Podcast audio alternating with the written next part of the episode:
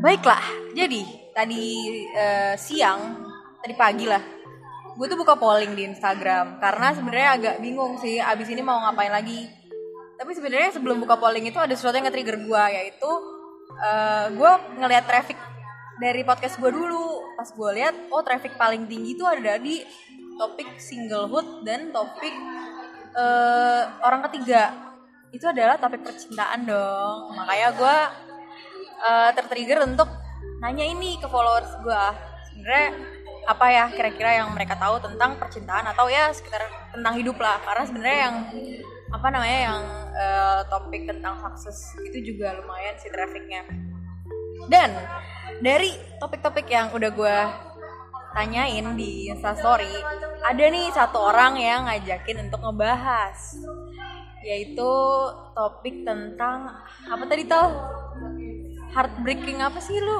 Ah, heartbreak after heart uh, after healing process after heartbreak. Oke healing process after heart heartbreak. Intinya gimana caranya kita eh, sembuh atau balik lagi dari patah hati gitu. Nah ini pas banget hari ini gue lagi habis bukber sama orangnya yang menyarankan topik itu yaitu dia adalah Kalia Cindy. Sini kali ya tahu nama gue oh iya? Iya. Oke tapi itu Instagram lu bukan yang Talia Cindy ya iya gue Iya. balik aja biar Baik. kayak namanya Cindy Talia berarti iya Oke, Cindy Talia boleh diperkenalkan dulu. Anda itu siapa ya? saya Cindy Talia umur saya 21 tahun saya temannya Dini Oke, kenal di mana ya kita? Tinder Anjir. Berarti Tinder gua. tolong diedit ya Tolong diedit. tadi Aduh, mohon maaf kagak punya editor saya. Jadi kayak podcast gue tuh sebenarnya apa adanya banget tau Serius? serius gue gak pernah ngedit-ngedit sama sekali jadi apa yang udah kita ucapkan pemalas anda ya tidak bisa diedit oh bukan pemalas itu apa ibaratnya ya emang males sih udah intinya Udah intinya gue mau bahas itu ya hari ini sama Talia dan excited karena sebenarnya Talia ini cukup pakar nih dalam heartbreak heartbreak begini. Waduh, Jadi gile. kayak gue bakal banyak aja ya. Jadi kebanyakan lo yang gue udah gitu. Ya nggak? Oke kita mulai dulu ya. 2020 kenapa? Ya mulai dari mana nih? Dari sebenarnya definisi ya karena kita harus menyamakan persepsi. Apakah definisi ya heartbreak yang kita maksud dengan yang listener maksud tuh sama? Kalau menurut Oh, lo iya, iya. definisi heartbreak itu apa? Buat gue sih heartbreak itu adalah saat eh, ada apa ekspektasi yang tidak tercapai ekspektasi yang tidak terpenuhi. Baik. terus lu merasa kayak eh kok enggak sih? Kok nggak kayak gini sih? Itu heartbreak sih. Terus kayak circumstancesnya itu mau dari kerjaan pertemanan kayak Oke. ekspektasi pokoknya ekspektasi yang tidak tercapai itu menurut gue heartbreak. Termasuk ke dalam hubungan percintaan. Gitu sih tapi ekspektasi nih ngomongin ekspektasi. Ekspektasi kan ada yang sifatnya kolektif kolektif Ya. ekspektasi kayak itu eh, eh, ekspektasi kelompok atau ekspektasi tim gitu ada yang kolektif ada Pribadi. juga yang ekspektasi pribadi. Nah kalau menurut lo heartbreak ini penyebabnya tuh ekspektasi yang mana nih? Bisa dua-duanya sih. Jadi dua-duanya. uh-uh, kadang-kadang ekspektasi yang udah kadang-kadang ekspektasi yang dibangun sendiri terus uh, akhirnya hancur karena diri sendiri. Atau karena lingkungan yang tidak mampu memenuhi ekspektasi itu ya kan? Atau udah sama-sama sepakat untuk membangun ekspektasi itu uh, terhadap lingkungan atau orang lain atau tim yang tadi lu bilang itu. Tapi ternyata tiba-tiba mereka betrayal aja gitu. Tiba-tiba mereka kayak uh, memilih untuk tidak menjalankan ekspektasi itu lagi bersama lu.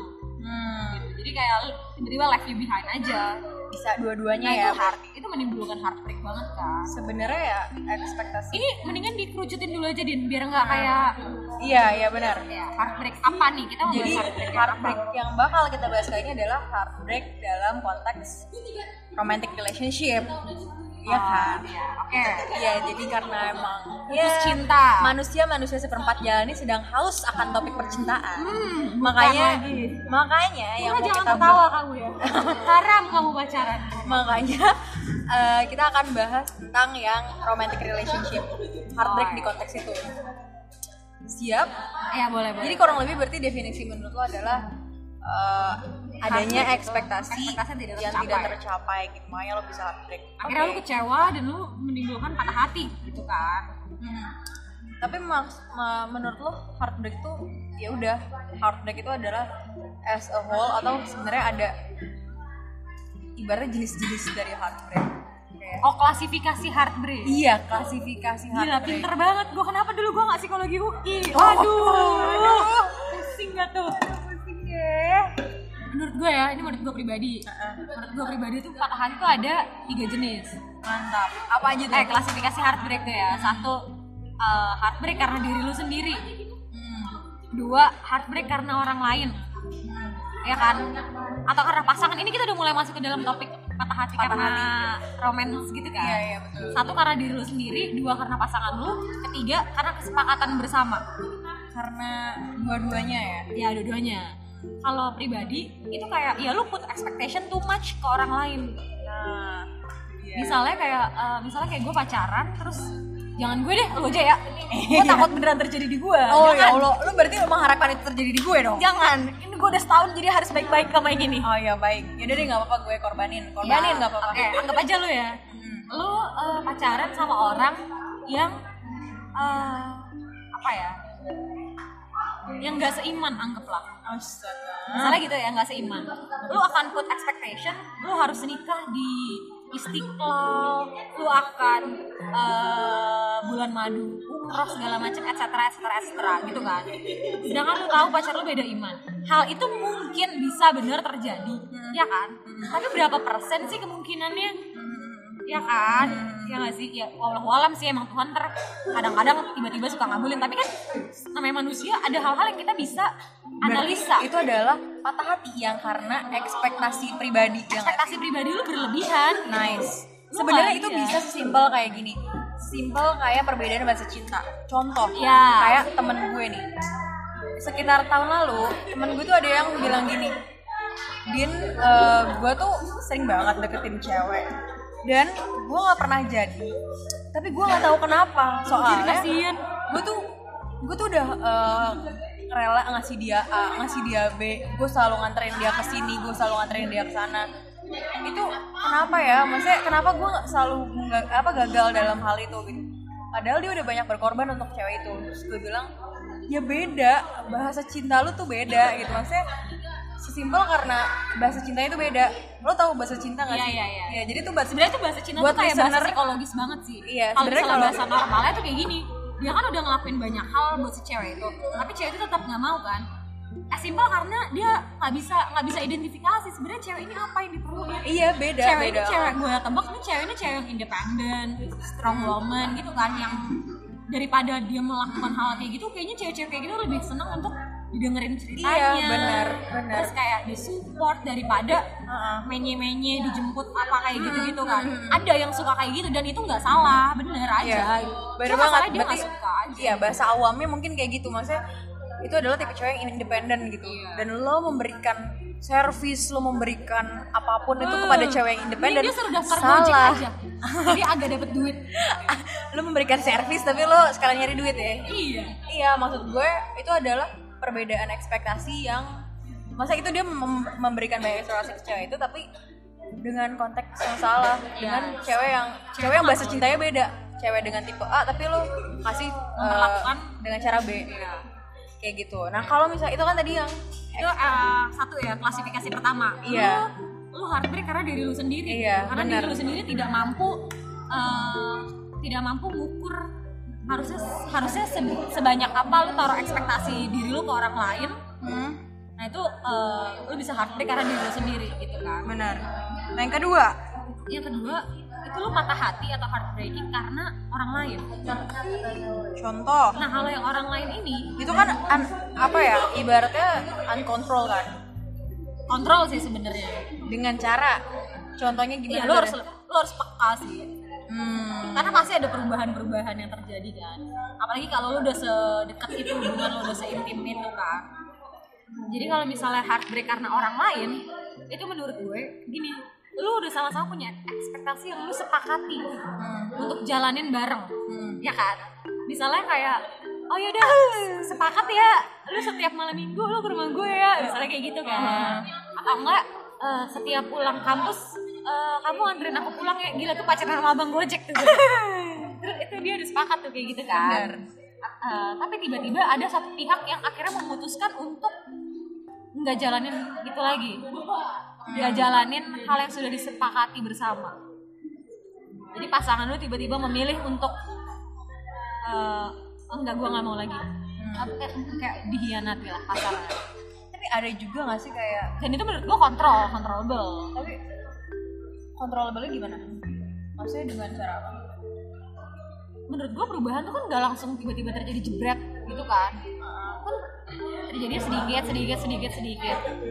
Kalau dari perubahan sedikit demi sedikit itu lu udah bisa maintain sebenarnya mungkin nggak akan terjadi sampai ke perubahan yang besar banget sampai akhirnya lu memutuskan untuk udahan kita putus atau break gitu kan.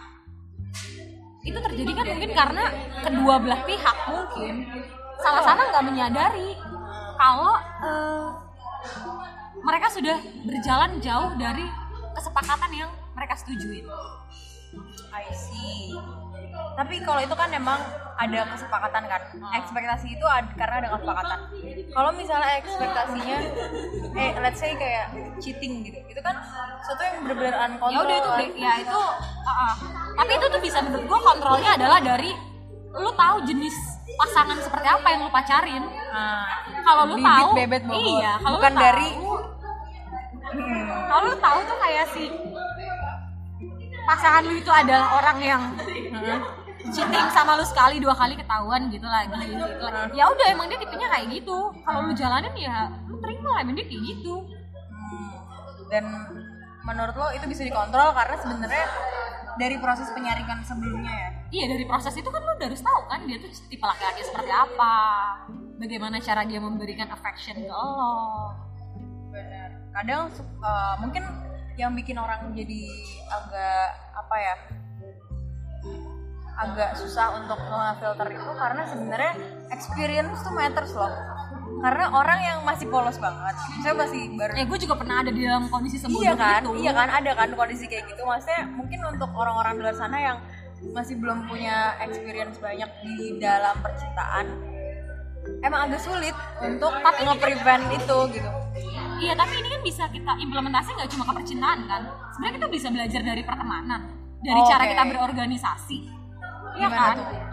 Kayak lu pilih berteman deh, nggak mungkin kan lu, misalnya lu tahu teman lu ini adalah klepto, nggak mungkin kan lu akan berharap dia untuk tiba-tiba sembuh dari penyakit kleptonya, Hmm. Iya kan? Sama itu bisa lu implemen- implementasikan ke cari Nah, pasangan. kadang itu juga maksudnya orang tuh suka ini loh suka bilang kalau Ini kita dilihatin gak sih orang di belakang kita malu jadi. enggak enggak kadang orang tuh suka bilang kalau ibaratnya mereka tuh kena fiksasi. Maksudnya dia bisa nge-solve problem A cuma dia nggak bisa nge-solve problem B karena nggak bisa menggeneralisasi atau nggak bisa nge-relate antara problem A sama problem B.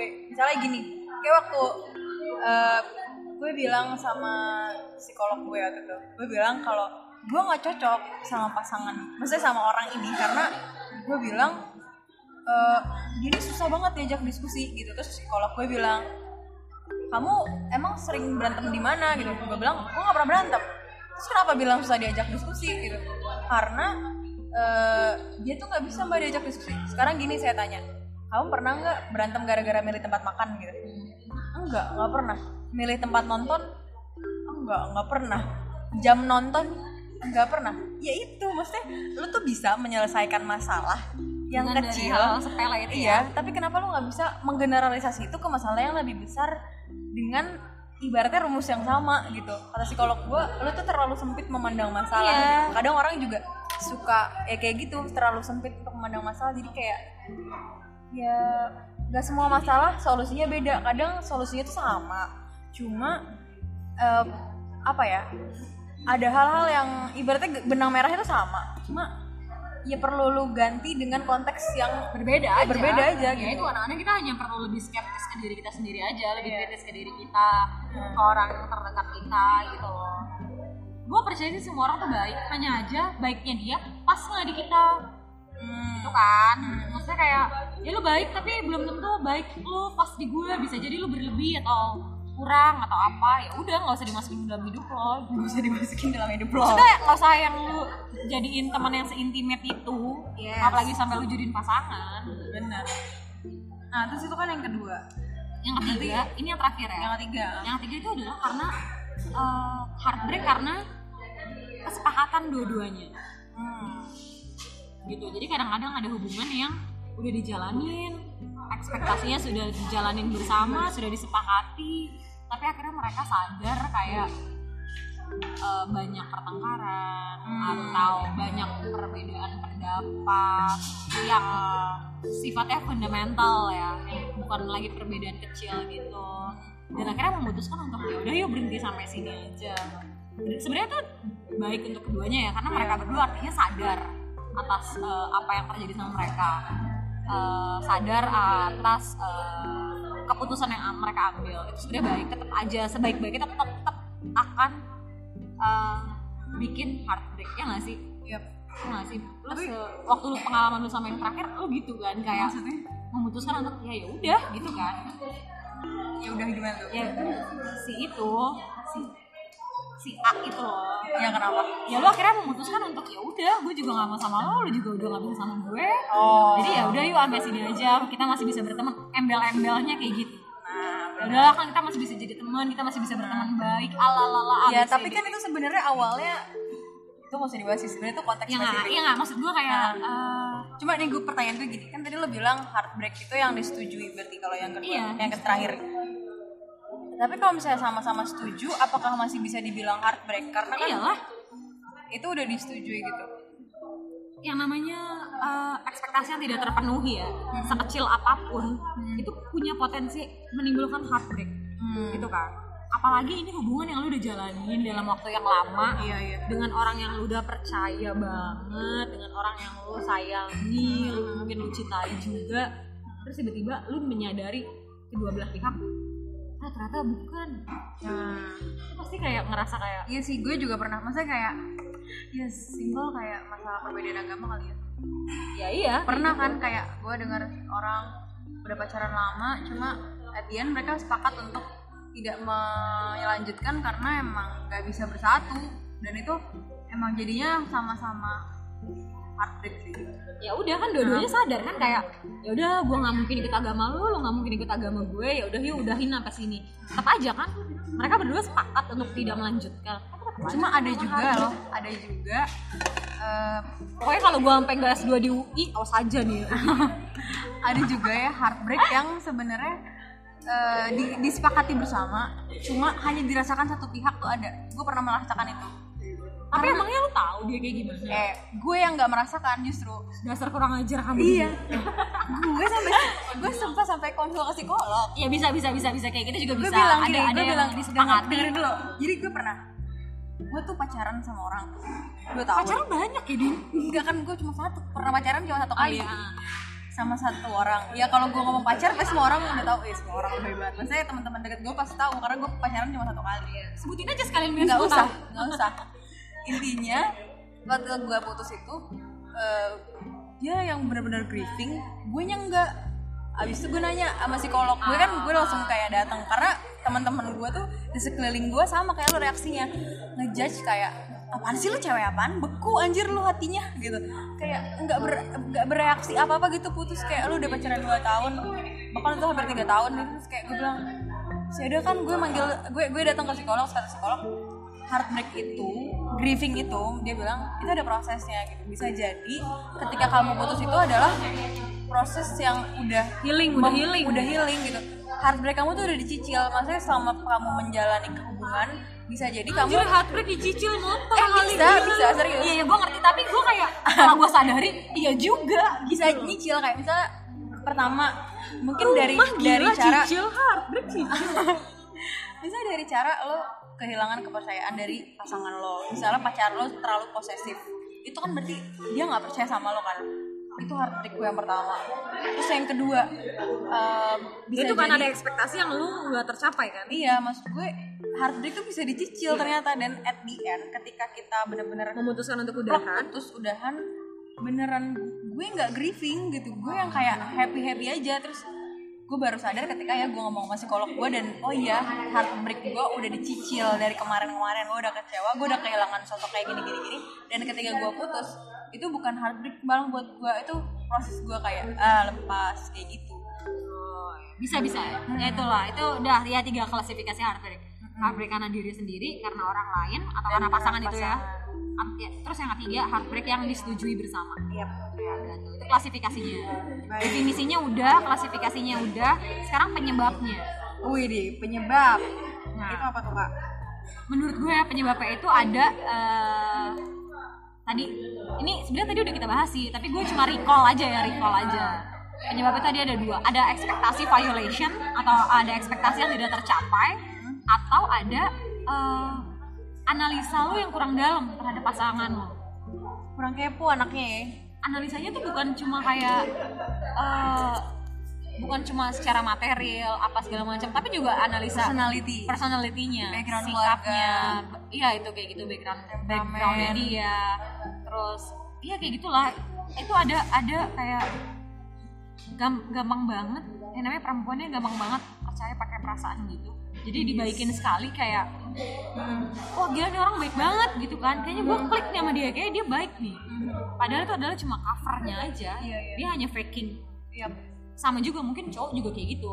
Deketin cewek pakai kerudung dia berharap cewek ini akan baik akan ini akan itu. Ternyata enggak.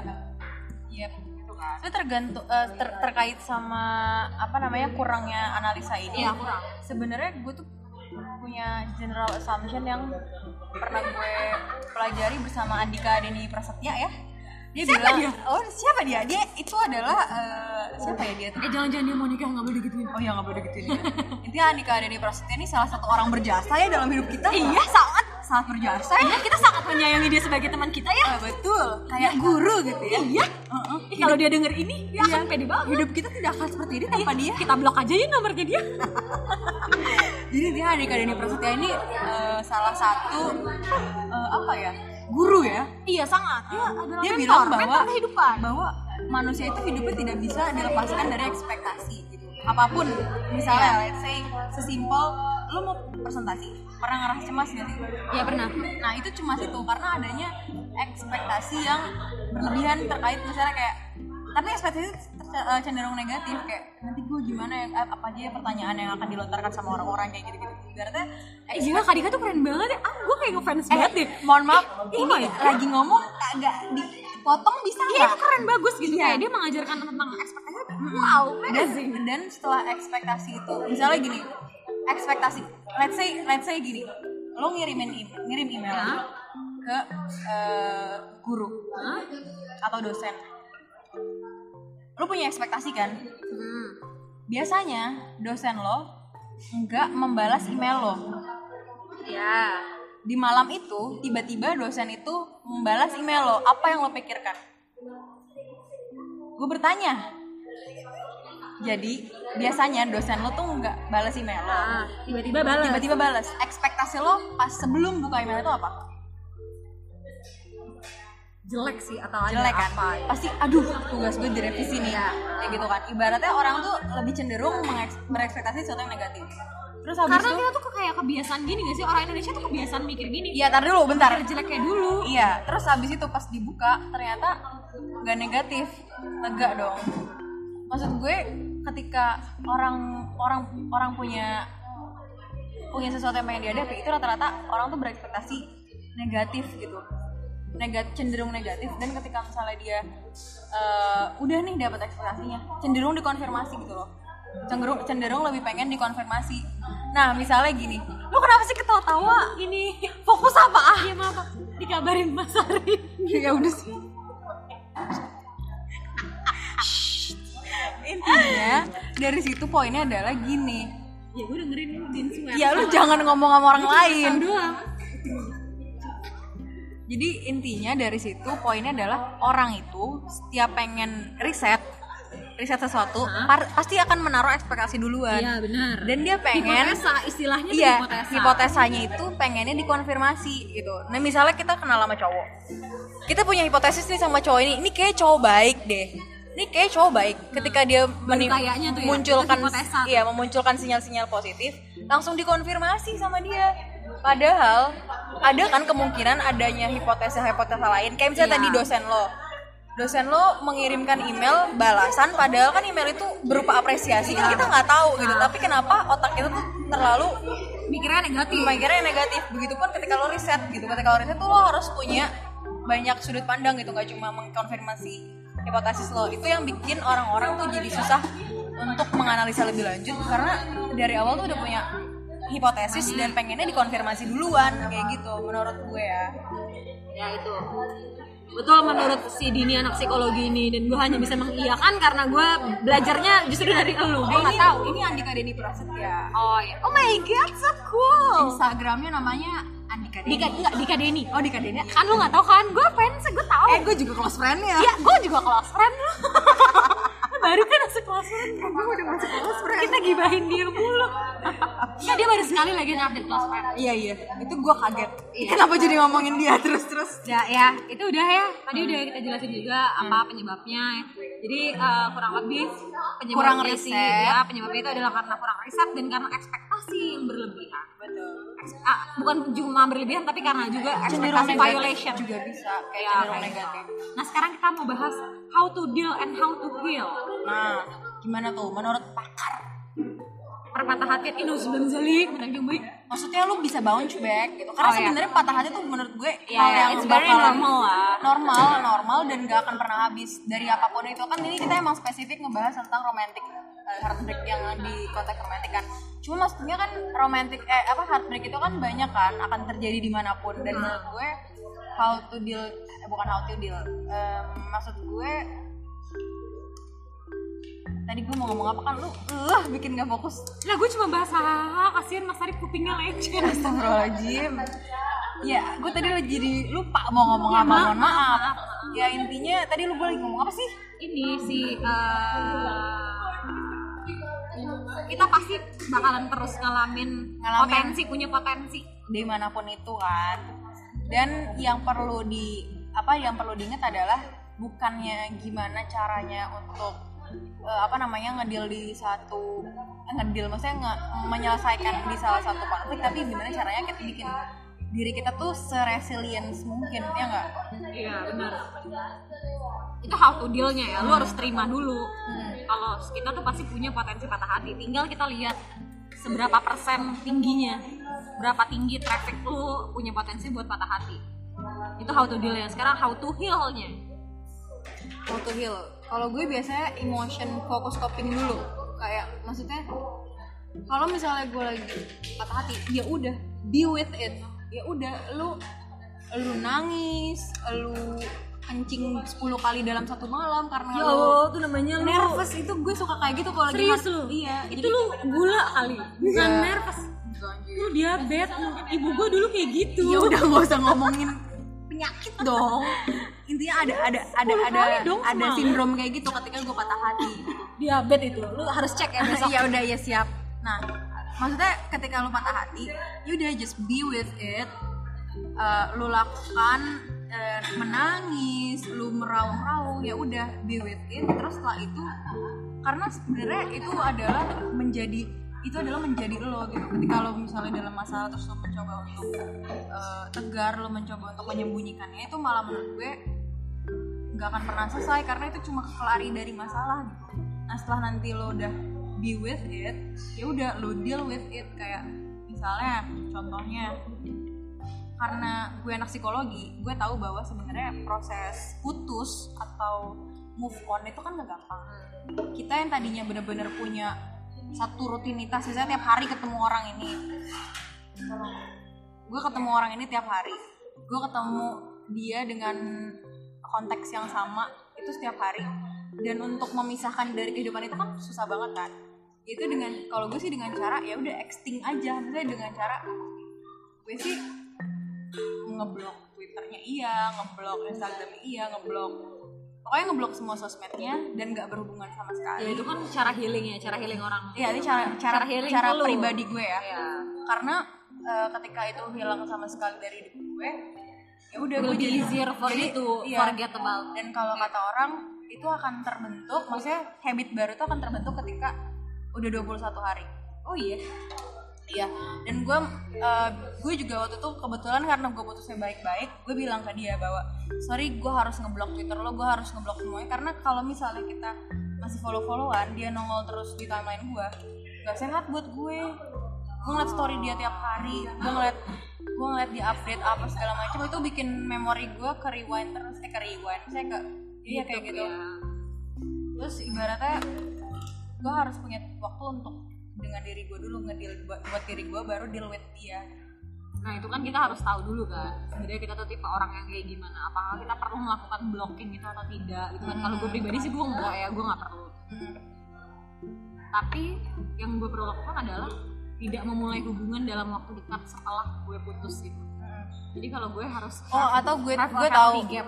Kan sekarang juga udah ada fitur apa mute sama hide kan Ya. Nah itu bisa dipergunakan nggak usah di unblock karena di unblock mungkin gak semua orang bisa nerima. Iya. tapi kalau mute sama hide kan itu nggak semua orang tahu kan. Saya kayak dia juga nggak bakal tahu lu di mute atau gimana. Mungkin pakai fitur itu.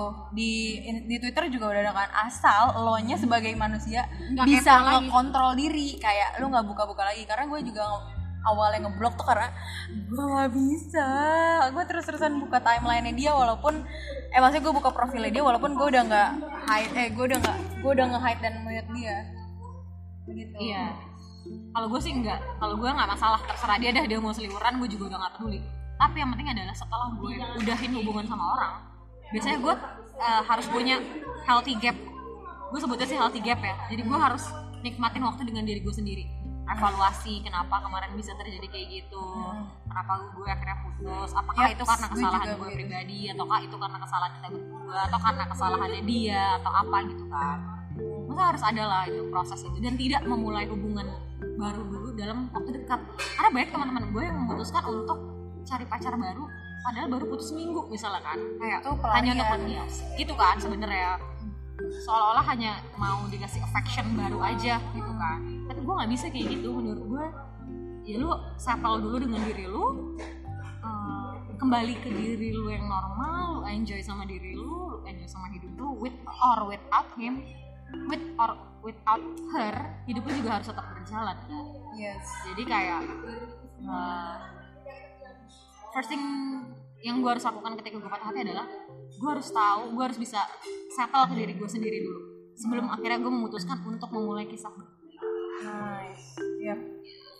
gili dan untuk memulai hubungan baru juga lo harus bisa membedakan yang mana yang cinta beneran yang mana yang pelarian. Ya ya ya. Bener bener bener. Bener. abis ini ada nggak followers lu kira-kira yang akan follow gue atau paling nggak visit lah profile gue gitu kan bisa bisa. Gue unlock kali ya instagram gue bener-bener coba aja bisa dicoba.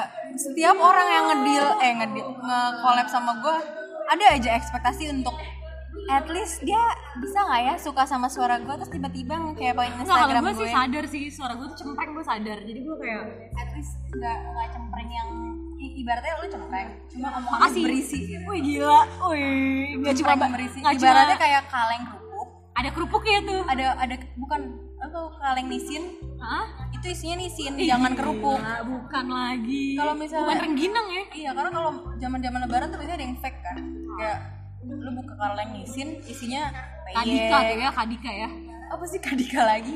Udahlah, intinya eh, yang how to deal tadi eh, itu adalah versi kita. Dan ya semoga bisa membantu kalau yang Iya. lagi patah hati adalah itu versi kita untuk how to deal and how to heal Iya, dari uh, dan mungkin feel free untuk buka FAQ ke eh, Lu Instagram aja, ke lu. apa Cindy Talia ya, Talia Cindy ya. nah, dan Instagram ABC Dinis. Kalau ABC Dinis sih emang nggak apa-apa. Emang Instagramnya buat di ini aja buat di open public aja. Masalahnya gue tuh kalau kayak gitu kalau lagi mood aja. Kalau lagi nggak mood gue nggak mau bales-balesin. Oh jangan guys. Talia orangnya mut-mutan gimana dalam hubungan? WhatsApp aja Iya. gimana? WhatsApp aja lah. Oh WhatsApp. Ah, WhatsApp. aja. oke deh baik terima kasih ya pendengarku yang budiman. Nanti Dadah teman-temannya Dini. Dadah dan thank you untuk yang udah dengerin. Semoga ada sedikit manfaat yang bisa diambil kalau nggak ada manfaatnya nggak usah diambil. Iya. and see you in the next episode. Dadah. bye